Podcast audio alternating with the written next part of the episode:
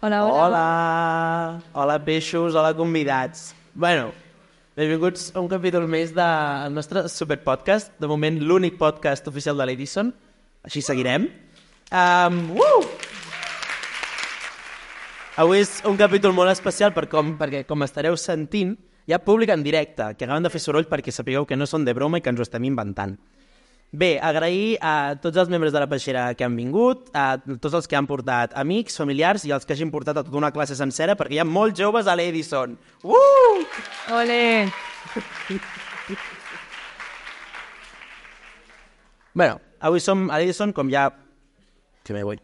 Com us hem adelantat, um, bueno, aquí alguns passem més hores que a casa nostra, però bueno, per això estamos, per fer una miqueta un col·loqui amb els membres de la peixera, que pels que viu sota una pedra, i perdó pel públic perquè us tornareu a menjar la mateixa explicació un altre cop, sap greu. Um, la peixera és un projecte de creació col·lectiva que s'ha impulsat des de la Crida Edison, un grup de joves motivats eh, del Vallès, que fem coses, no?, que es diu que fan els joves. Em, I aproximadament 30 joves del Vallès i voltants han participat a la peixera i han estat des del març treballant en tres curts que avui per fi hem pogut veure al cinema. Els ha acompanyat a la gent de Nadir, que ha estat qui s'ha encarregat de l'acompanyament i les mentories que s'han dut a terme durant tot el procés, des d'obtenir la idea inicial cap al març d'aquest any fins avui, que per fi hem pogut veure el resultat. Demanarem que pugin un representant de cada curtmetratge, que pugin. Va, no sigueu tímids. Un aplaudiment. Ole.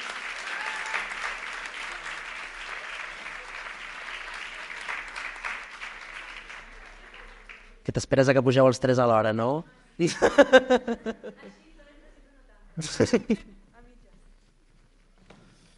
Bé, tenim a la Iris, en Jaume i a la Jana. Moltes gràcies. Um, abans que res, moltes gràcies moltes gràcies per estar tan motivats i fer coses i venir a l'Edison i pues, compartir-ho amb tots nosaltres. I res, començarem amb algunes preguntes, no? Una miqueta per saber com ha anat tot això.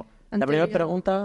Estem fent una taula rodona, però la taula és... és I tampoc hi ha taula, que crec que és una part important del concepte. És imaginària. Eh, Ens la imaginem. Treballar l'imaginari. Bé, primera pregunta. Quin és el pitjor curt i per què? No. Eh, bueno, ara la, la primera pregunta de veritat. Aquesta m'agradaria que contestés cadascú, vull dir una mica tothom.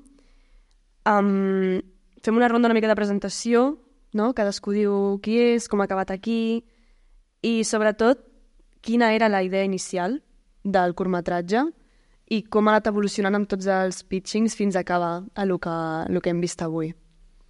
Si voleu començar en ordre, i així és més fàcil. Bueno, d'acord. Eh, vale, jo em dic Iris, com ja han dit. Vinc aquí perquè bueno, me'n vaig enterar a partir de eh, doncs que la nostra professora d'audiovisuals de l'any passat ens va enviar el correu, vale, el Celestí Ballera, tal, i llavors jo i una amiga meva vam dir, bueno, hi ha mm, limitades places, no entrarem, però ho provem, i aquí estem. Llavors, doncs, això, ho vam intentar, ens vam inscriure fins que hem arribat aquí. Llavors, vam partir mm, de la idea, o sigui, la nostra idea inicial Quin curt éreu? Quin curt éreu? érem el primer, el de Deslligades, el que sortia la Noelia, l'Almudena... Bueno. I ja, o sigui, teníem molt la idea clara de que volíem que tractés de gent més gran, de la tercera edat. I, però a partir d'aquí no sabíem com construir-ho, és a dir, era la nostra idea, però no teníem res més construït. Volíem doncs, donar visibilitat a aquest públic, no estàvem tan acostumats a veure-ho en cinema, i va ser aquesta nostra idea. Més tard ja vam construir tot el relat, amb tot el fil conductor. Super. Recordes quin era? Perquè això, la primera sessió, primeríssima, um, a tots els membres se'ls va dividir en grupets i cadascú havia de plantejar un pitching per una idea que sortís. I d'aquí es va fer un filtratge que va acabar resultant en els tres projectes que heu vist. Te'n recordes ben bé de com era el pitching inicial del que ha sigut Deslligades? Me'n recordo que era... O sigui, volíem fer el que t'he dit de la gent gran i vam idear alguna com una persona de la tercera edat eh, que tenia problemes tal i volíem visibilitzar-los eh, i literalment tot el, o sigui, tot el relat era doncs, la vida d'aquest personatge, el que li passava tal i com se sentia. Ja està. Bueno, doncs dirà Era- mal, no?, a partir d'aquí. Anem escalant. Super. Vinga, va, Jaume. Bones? No, no bones. Uh. Interludio musical. Ara, sí. Hola, què tal? Em, jo em dic Jaume, eh, formo part de l'equip de... Està molt fort? Sí. I orgullós. Jaume, i orgullós. De l'últim. De, de l'últim curt, el dels dies més llargs. i no recordo ben bé la pregunta, que era... S'ha acabat aquí. Com he acabat aquí? Sí. Um, jo, uh, crec que era el febrer o el març que va començar tot això. Estava per l'Instagram com un dia qualsevol vaig creuar amb una història que deia la peixera um, creació audiovisual jove. I jo vaig pensar que guai, però jo no puc fer-ho perquè jo no estudio res relacionat amb això. Jo estic ara acabant ciència política i no és per mi. Però bueno, conec el Bel de la crida i vaig dir, Bel, què? I em va dir, tu prova. I vaig provar i ara estem aquí. Super. I te recordes del pitching inicial de... Bueno, sí, del teu curt? Sí, sí, volíem fer un coming of age, això, que a la protagonista fos jove, i teníem molt clar, molt, molt clar, que volíem una piscina, perquè sí. I les idees han anat canviant, però la piscina sempre ha sigut ha estat allà. Molt bé. Ho hem aconseguit. No era fàcil. Eh, això... Claro? Ho hem aconseguit. Hola, jo sóc la Jana. Um, bueno, el, meu, el nostre curt és el, el segon i m'agradaria, perdó, abans de res, dir que no sé per què hi ha hagut un petit problema amb el so, no és així teòricament, però bueno, espero que el pugueu veure bé algun dia. Segur. Eh, I res, la pregunta, bueno, sí, el pitching primer, jo estic aquí, perdó, perquè el Roc va interrompre una classe d'audiovisuals l'any passat i, i ens va encantar com a uns quants de la classe el projecte i vam dir, apuntem-nos a veure què passa i mira, estem aquí. I mm, el primer dia era un grup totalment diferent al que és ara i vam voler fer una espècie de performance, o sigui, res a veure. Una performance com d'una parella d'artistes i això mm, doncs no es va acabar fent i vam acabar doncs, en un altre grup que era sobre la sequera, que tampoc. Però bueno, ja De, veus. de fet, no, això és una història molt graciosa que el Jaume hauria d'explicar perquè va ser idea seva. El pitching de, de, la, de la sequera. Um, el pitching de les... el pitching de la sequera. Um, sí, amb en Jordi mm, vam, bé, el primer dia vam arribar i ens van dir alguna idea, alguna idea. I vam dir, no sé, tractem algun tema d'actualitat, la sequera, per exemple. I se'ns va acudir de plantejar un, una masia allunyada a la muntanya uh, on els veïns s'han de reunir per posar una solució a aquest problema, no? que no plou, i acabem fent una, una dansa perquè plogui. Fi. I de fet d'aquests pitchings inicials van sortir una mica com els noms de broma no? que teníem entre nosaltres, eren el grup Iaies, el grup Místics i el grup Joves. I així els hem estat batejant durant res, fins ahir, per exemple, saps? No? Hem seguit dient... Exacte. Bé, um, ara sí, concretant en alguns dels curts concrets, per exemple, començarem amb uh, Bultus. Um, vosaltres vau començar a una masia amb fantasmes i amb morts i heu acabat a una carretera. Um, com ha sigut aquest canvi de terror uh, purament fantàstic a un thriller? És una molt bona pregunta, la veritat.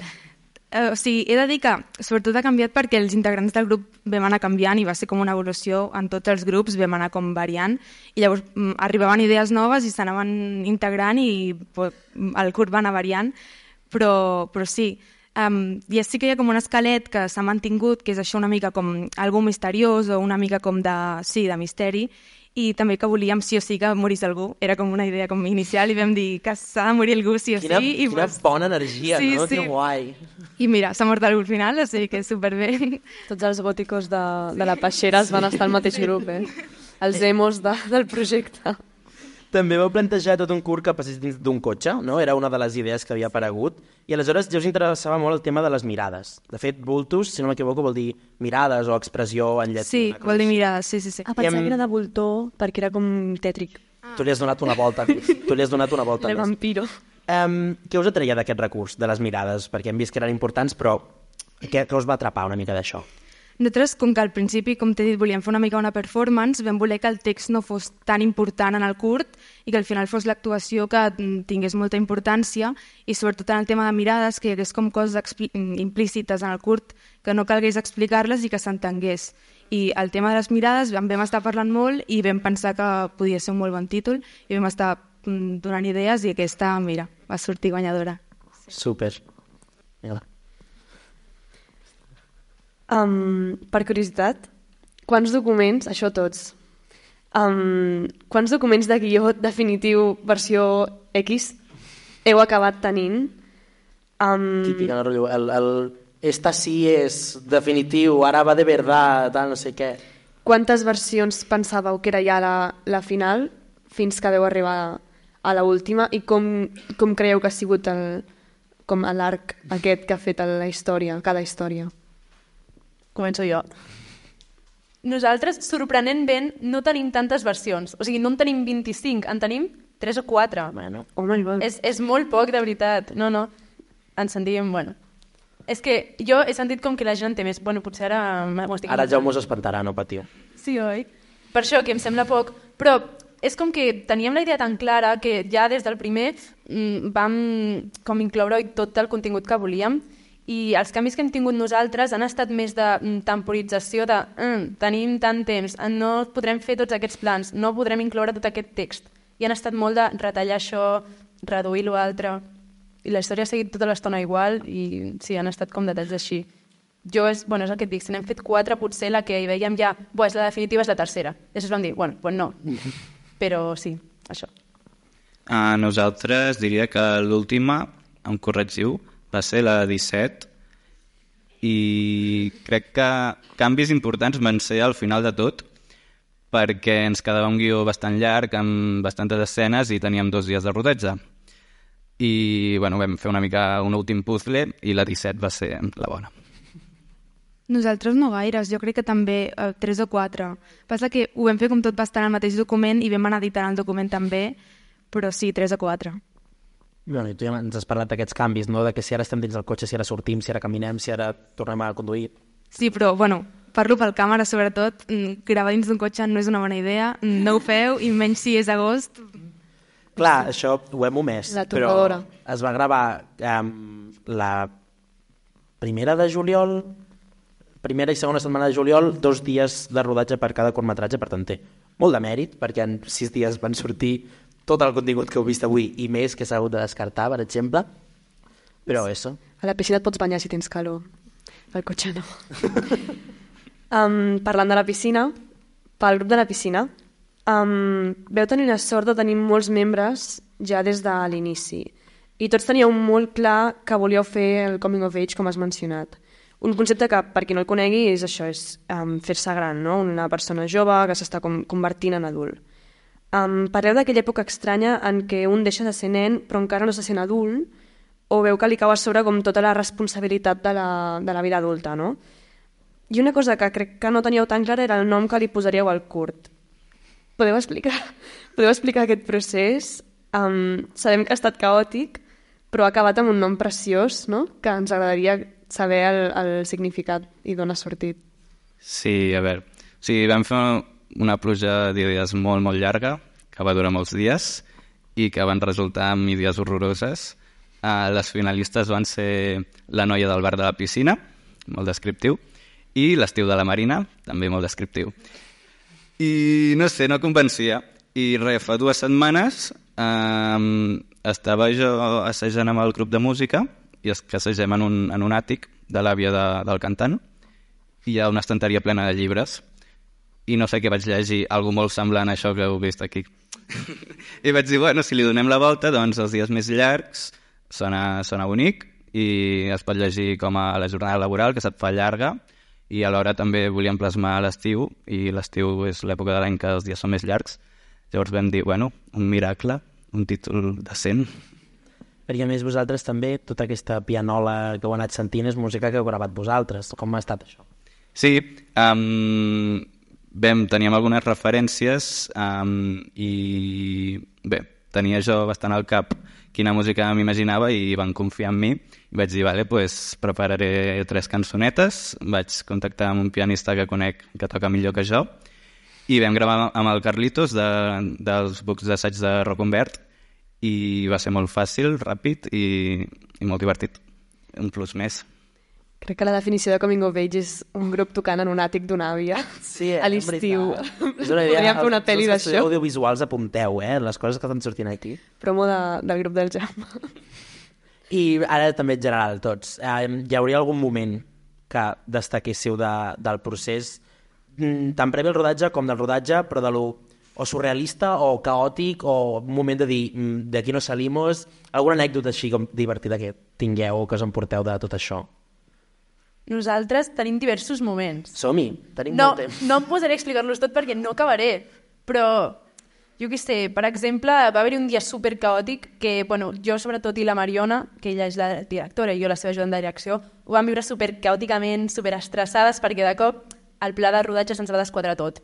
No el vam fer bé, no quadrava res, això estava malament, això no hi cabia aquí, aquesta escena no es podia fer en aquest espai, aquesta tampoc a l'altre. Va ser super caòtic, vam haver d'agafar el pla de rodatge, desmuntar-lo tot, tot el que hi havia pel dilluns fer-ho pel dimarts, a l'invers, això aquí, això allà, vam desmuntar-ho tot i vam crear un nou pla de rodatge en 5 minuts. I clar, però és que ho havíem de fer ja perquè havíem de gravar ara. O sigui, tenia, o sigui tot això era previ a gravar la primera escena. I clar, vam dir, bueno, anem bé, no? És la primera. i ha sortit Ha sortit? i ha sortit Ho vam aconseguir. És un talent, eh, això. A veure, algun altre. Bueno, nosaltres eh, heu, heu vist tot el tema de les fotos, dels àlbums, tal. No teníem les fotos 10 minuts abans de la gravació. Vam haver d'anar-les a imprimir corrents, bueno, bueno, patint tot el grup, les fotos, les fotos, l'àlbum està buit, no sé què. Ens vam organitzar una mica, bueno, crític, no? Però vam aconseguir, bueno, van arribar les fotos i, bueno, a l'àlbum, enganxades en cero, així, super, bé. ningú diria eh? Ningú diria, home... I va sortir, i l'àlbum està, bueno, super perfecte, super ben enganxat, com si no ho haguessis fet amb dos minuts d'antelació. Ja està. la foto d'ella a la cadira impre impresa 14 vegades no? Sí. 14 no, 3, però... Sí, sí. No, no, no. La, bueno, és que la vam imprimir molt, a més, després la vam imprimir en una impressora, jo què sé, de casa, i després en una impremta, i eren diferents les fotos, a una es veien ratlles, a l'altra no... Però això no se sap si no ho dic, veus? grup a piscina, va Um, el nostre moment més caòtic va ser aconseguir una piscina, que aquí jo no ho veieu, aconseguir una piscina no és gens fàcil. I vam tenir molta sort perquè la Raquel de l'equip um, juga a waterpolo a Caldes i vam fer una trucada i, i bé, ens van dir que sí a canvi de fer-los un spot publicitari que vam fer gratis. Però bueno, abans d'això vam fer moltes instàncies i moltes trucades i de fet fa una setmana el Bernat va rebre la resposta i estem parlant d'una instància del maig, però ja sabem com van aquestes coses. el bon papeleo no? Sí, exacte. Vinga, va. Um, nosaltres el càsting va ser bastant divertit, la veritat, ens ho vam passar bastant bé i també, sobretot el rodatge, vam tenir molta calor i això va ser també crític, sobretot pels actors i per, en general tot l'equip, ens vam marejar algun moment, però bueno, bastant bé, bastant bé. A nivell de localitzacions, tot això és Vallès, Sí, Vigues i fent Riells. comarca, toma ja.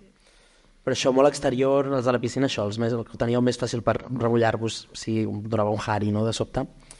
Bueno, i ara sí que anem amb el grup de deslligades. Um, heu, tractat, heu tractat un tema que sovint no s'associa a joves creadors, que és la bellesa, amb, amb bé. Sovint només s'utilitza la gent gran per curts de terror, sobretot últimament, que és com que està molt de moda les iaies terrorífiques, no sé per què.